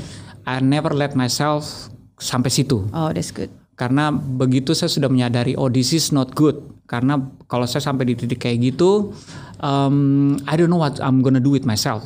Ya kan mungkin pemikiran bunuh diri suicidal tendencies atau um, menutup diri you know hal seperti itu. I don't think that's gonna help me. Is karena ya nggak tahu ya makanya tadi saya bilang ya, saya bersyukurnya satu karena I am I been um, mungkin karena dari kecil orang tua saya itu um, salah satu yang mereka tanamkan adalah itu um, hubungan yang baik dengan Tuhan spiritual connection itu. Jadi nggak ada mereka pun I keep doing it myself. Hmm. gitu. I I keep uh, apa ya involving God into my situation. Hmm. when you do that ya I believe uh, kita akan terhindar tuh dari dari uh, berada di titik terendah Hmm. I I let I don't let myself uh, sampai di titik terendah tersebut Oke, nggak nggak tidak membiarkan kita berlarut-larut sampai berada di titik itu ya. Betul. Karena Oke. it's actually it's actually that's the key sih. Kita kan terbiasa hidup menilai segala sesuatu logically Ya, and we're not involving God in everything. ya. Begini, sekolah ngajarin kita apa? Kenapa ada hujan? Kita pasti menjelaskannya ya karena ada air menguap, Betul. karena bertumpuk di atas, ada panas, hujan Betul, turun, betul. right? Seperti itu. Iya. Pernah nggak kita menjelaskan lebih selalu menjelaskannya ujung-ujungnya karena Tuhan yang nyiptain matahari, karena Tuhan yang nyiptain air, yang membuatnya itu, you know, kita tidak pakai itu. Iya. Karena itu itu ya semua orang tahu. Common sense lah, pikir nggak usah Ya, ya, dijelasin ya, lagi ya, lah ya. orang tahu Ya. gitu ya. Tapi kita perlu tahu teorinya. Oke, oke. And then begitu segala sesuatunya terjadi kita pun akan terbiasa untuk menjelaskannya kenapa based on our logic. Hmm. Kita jarang tuh menggunakan kata Tuhan karena Tuhan menghendaki karena you know what gitu He's in control everything happen for reason but it's a Hmm. good reason jarang. Tapi begitu kita ketemu sesuatu yang tidak bisa bisa kita jelaskan baru tuh kita melibatkan Tuhan. Mungkin sudah waktunya ya, you know, stuff like that. Iya, iya. Mungkin sudah waktunya ya kita percayalah Tuhan yang berencana. Ya kita cuma bisa memutuskan, tetapi you know, kita bisa berencana tapi Tuhan yang memutuskan. Stuff like that. Kita suka melibatkan Tuhan ketika kita sudah tidak menemukan jawabannya. Bagaimana? Coba kamu latih kehidupan kamu melibatkan dia terus. Jadi mengakui itu katanya kan mengakuinya terus gitu. Nah, it's makes yourself better sih actually. Iya, You don't have to think terlalu logically sometimes. Betul, Karena kita terlalu berpikir logik nggak ada jawaban. Exactly because you are thinking seperti pemikiran manusia makanya nggak ada jawaban. But when you thinking uh, always involving God, selalu ada jawaban. Hmm, Even though sometimes you don't understand, but I choose to believe, right? iya. Even though sometimes bukannya kita don't understand aja ya, tapi kita nggak setuju juga mungkin dengan Exactly. you don't understand, you disagree. you disagree Iya. gitu kan. Bahkan you hate it when you have to do it. Makanya sekali lagi balik lagi Tuhan akan selalu memilih orang yang mau, bukan yang mampu. That's a big message. Oke. What's in your prayer? Biasa selalu apa yang ada di doanya Yosi? um, grateful always. grateful. Sebenarnya karena saya percaya Tuhan sudah tahu sebenarnya apa yang saya mau. Cuman kan he needs relationships. Yeah. Dia he likes relationship. So you can always grateful, grateful, grateful, grateful.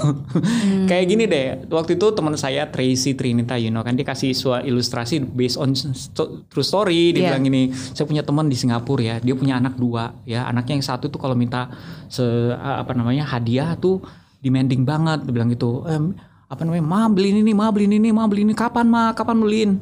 Tapi anak yang satu yang kecil, dia datang kalau datang ke ibunya, mah, em, saya makasih ya, saya mau dibeliin ini kan, gitu. Beda. Oh, Attitude yang berbeda. oh wow, yes. right? Yes. Kita as a parents you can feel it, right? Yang satu yang saya mau dibeliin, eh, belum belum mau dibeliin juga nggak apa-apa, tapi nanti mau dibeliin kan, makasih loh, makasih loh, you know. Oh, yeah. Attitude yang berbeda, but it's the same thing with God. I believe kalau kita percaya, you know, He's gonna get it to me, tapi kalaupun belum sekarang ya nantilah, you know, Betul, atau He's betul, gonna get me something else better. That's grateful. Thank him in advance. Iya, taking him. Iya Saya- kan? Kalau saya harus berdoa, pasti itu yang tidak boleh saya miss. Hmm. Iya, iya. Gratefulnya aja. Kadang-kadang saya tidak perlu minta kok, saya just grateful.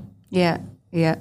Kalau eh, Yosi bisa kembali ke masa lalu, waktu masih remaja, nasihat apa yang bisa Yosi berikan kepada siapa? Ke Yosi yang masih remaja. Wah pastinya banyak karena saya sudah berada berada di tempat ini kan. saya waktu itu pernah ditanya hal yang sama, titik yang mana nih gitu ya. Ya mungkin saya udah bisa skip tuh sama pacaran-pacaran yang tidak penting. But anyway, maybe I need to to get through that supaya mengerti kan supaya Yeah, dewasa. yeah. Mungkin satu hal yang saya bilang secara bercanda sama uh, waktu itu pertanyaan ini saya bilang I need to go back to the first time Project Pop bikin lagu karena I know how to make songs now. At that time we are so struggling. Oke, oke. Ya kalau nggak kembali ke masa lalu, ke masa depan deh. Kalau Yosi bisa melihat eh, ke Yosi lima tahun mendatang, kira-kira message apa yang ingin diberikan? Um, eh, jadi gini kan hidup itu kan sebagai penuh dengan pembuktian sebenarnya kan. Jadi ta- tapi pembuktian itu harus eh, hanya terjadi untuk orang-orang yang berani. Kalau orang yang tidak berani dia tidak akan terbukti. Ya kan? Karena dia berani dia membuktikan. So em, banyak juga yang bicara soal hidup itu pengulangan. Tuh kayak pernah terjadi dulu loh. Kayak pernah terjadi dulu. Kan that's why we can feel deja vu ya Deja katanya vu, ya iya. Deja vu. Tapi sebenarnya mungkin bisa jadi uh, nilai yang kita pelajari itu sama. Kalau menurut saya ya, ini pernah terjadi karena nilai yang kita pernah pelajari ini sama.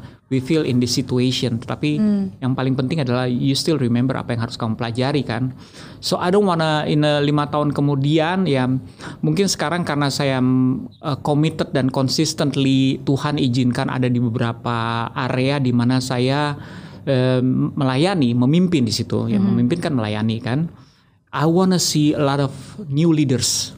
Karena seasonsnya mungkin I don't know lima tahun saya masih me- melayani atau tidak. I never know that gitu. Tapi I wanna see new leaders. That's what I'm I'm really waiting for gitu. Orang-orang yang sekarang saya layani biarlah mereka menjadi pelayan-pelayan baru gitu loh. You know, to create a leaders is to create a person that willing to serve, right? Jadi when you when you in that uh, komunitas ada di komunitas beberapa komunitas, kamu harus tahu kalau kamu di Tuhan pilih kamu jadi pemimpin di situ artinya bukan kamu mendapatkan fasilitas untuk memerintah, Ya, ya, ya. tetapi fasilitas untuk menjadi contoh dan melayani.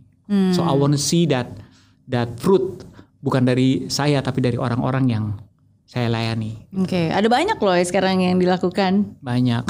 Banyak komunitas juga. Banyak. Ya kan? Termasuk salah satunya komunitas Good Friends. Oh, iya, iya, Yang iya. Yosi selalu aku masih utang loh No, no, dari it's okay, it's Oh, okay, no, it's okay, I'm it's okay. Karena uh, masih setiap hari Selasa. Masih, Uh, masih, ya. Enggak setiap hari Selasa, it's only uh, sekali sebulan. Oke oke ya karena aku selalu ingat banget dan dan dan Yosi ini uh, selalu uh, dengan setia tanpa nggak pernah bosennya gitu untuk selalu ngajakin cuma kalau waktu dulu setiap hari Selasa itu I always have It's okay, shooting gitu it's okay. tapi it's good. Take your time. Ada juga kok yang kayak gitu kok, ada yang ikutannya setelah diajakin berkali-kali, ada ada yang belum ikutan sama sekali, banyak juga. But it's okay, kan everybody has their season gitu. Iya, iya, iya. Dan lagian juga itu kan hanya untuk yang misalnya memang dia belum punya komunitas gitu. Hmm. We need a, a healthy community. That's why that's how I call it gitu.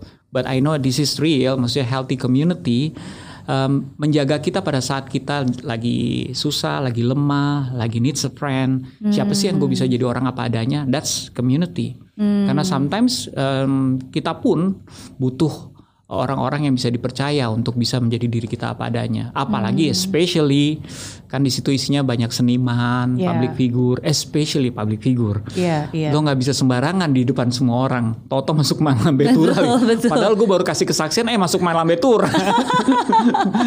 Lambe tura ya nggak pakai mak, beda lagi tuh ya. Oh, emang ada banyak? Eh, kalau malam betura lebih ke politik. Kalau Oh gitu, nggak pernah ngikutin. Oke oke. Tapi again ya, sometimes ketika kita sharing ya kita butuh tempat di mana kita nyaman dan merasa aman untuk bisa Iya. terbuka. Because we Iya. need to be that vulnerable kan. Betul. Maksudnya ketika kita membuka kan berarti kan kita benar-benar ya berada di dalam posisi itu. Betul. Selain itu, community juga dibutuhkan untuk belajar, em, dilayani dan melayani. Hmm. Kita belajar memimpin tuh sebenarnya di komunitas gitu. Mhm. Bagaimana ya melayani, inisiasi. Kadang-kadang we're doing things because karena memang Tuhan taruh di tangan kita. Hmm. But inisiasi itu adalah em, itu ciri khas kalau the way I see it itu ciri khas seorang pemimpin. Hmm. Mereka eh, berinisiasi. Bukan tugas mereka, but nobody's doing it. So I'm gonna in, apa menga- me- mengusulkan diri saya. Yeah. Boleh nggak saya ini? Ya. Nah itu. Cuman i- itu paling susah sih. Inisiasi di antara semuanya itu paling susah karena berkorban, right? Orang nggak suka keluar dari comfort zone-nya gitu loh. Iya, iya, Why me? iya, Lebih suka bertanya seperti itu kan. Kenapa mesti gua? Kan ada dia. Iya iya iya. Gua nggak bisa ini, dia bisa. Tapi lo mau nggak? Oh Oke. iya Tuhan. Betul. Eh tapi gara-gara eh, Yosi ngomong berkorban aku jadi inget deh. Eh, aku pernah dengar di salah satu interview waktu itu ditanya eh, gimana caranya untuk bisa eh, apa ya langgeng dengan pasangan. Terus eh, Yosi bilang pokoknya kalau saya melakukan sesuatu yang saya nggak suka tapi I keep doing that itu berarti saya berkorban untuk orang yang saya sayangin itu dan dan ya dan sometimes in relationship sometimes kita juga That's harus so true. we have to sacrifice walaupun dalam kata dalam tanda kutip bukan berarti kita sacrifice seakan-akan I owe you something you owe me Hmm. Yeah, something because I yeah, already sacrifice yeah, ya yeah. tapi dalam arti ya kita uh, doing it out of comfort zone Yeah. di luar dari ya memang kenyamanan kita Betul. Iya kalau ngomongin soal relationship tuh we, we can make a new episode sendiri tuh ya. Tapi ya garis besarnya begitu karena kita tidak berada dalam sebuah hubungan untuk merubah orang. Ya. Actually hubungan itu untuk merubah kita. Makanya this person punya ke- kelemahan kadang-kadang itu yang justru Tuhan pakai untuk merubah kita. Iya. Kita suka minta orang yang gak punya kelemahan. When we ask that, kita nggak berubah sama sekali karena kita nyaman, you know, dia nurut aja. But sometimes Tuhan pakai kelemahan orang lain untuk merubah kita. So you have to terimalah itu. Oke, dia kayak gitu berarti I need to do this. Dia kayak gitu I need to do this. I need to I don't have to change this person karena menurut pengalaman saya yang merubah orang tuh Tuhan. Jadi I don't have to. That's not my area. My my job is just bagaimana saya merubah diri kayak saya supaya menjadi tambah dewasa.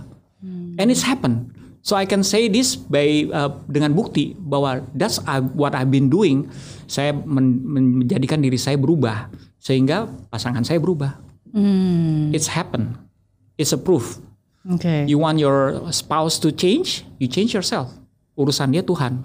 Iya. Kalau misalnya dia masih ada kelemahan yang seperti itu sama dia, berarti oh it's a time for me to learn lagi. Mungkin masih uh, peop- God needs me in the next season to be a better leader.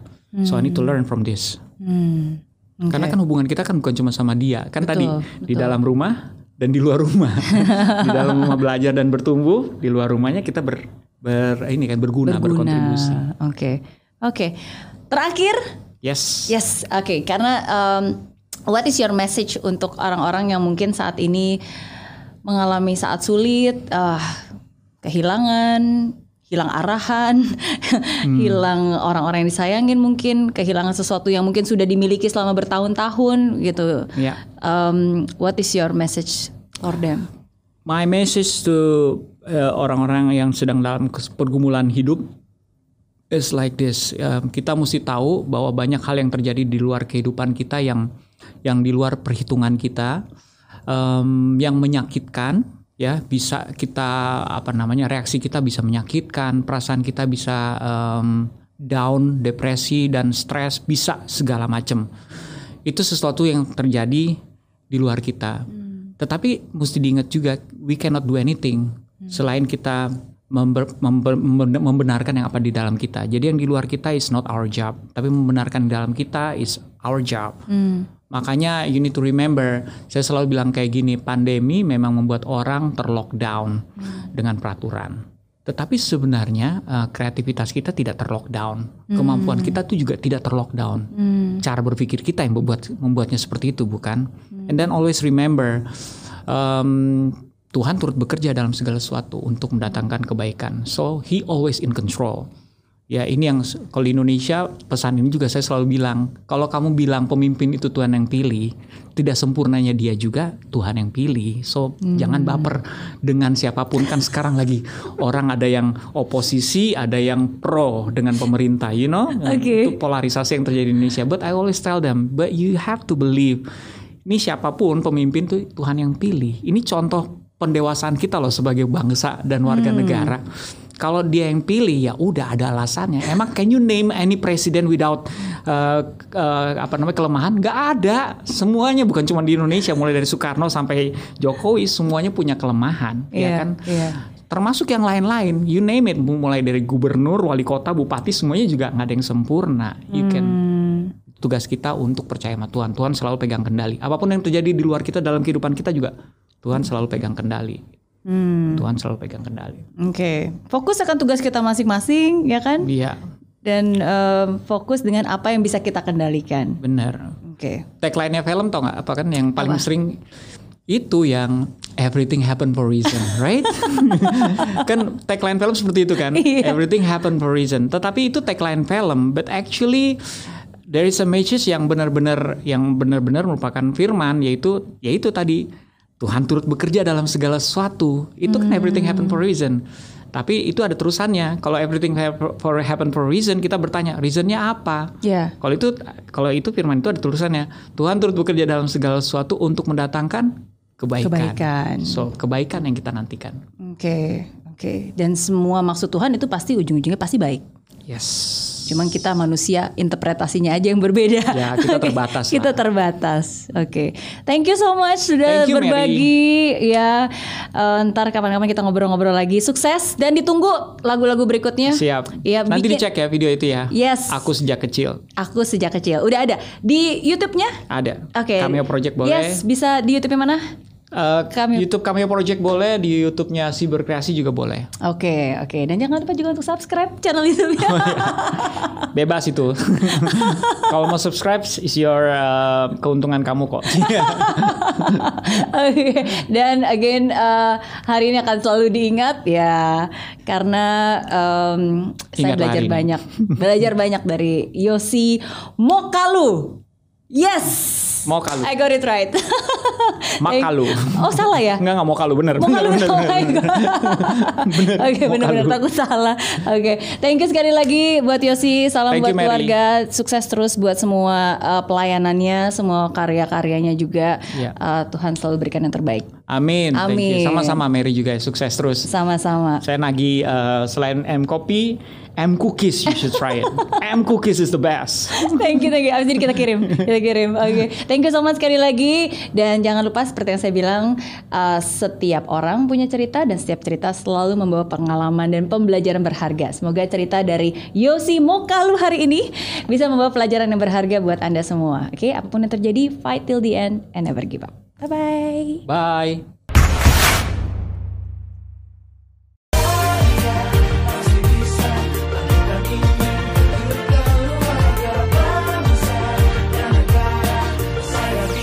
Ya, ah, laksana bumi tanpa hujan, hidup tanpa tujuan, kering dan mati tanpa hijaunya tumbuhan. Ah, demikian kalau mimpi tak kunjung terjadi.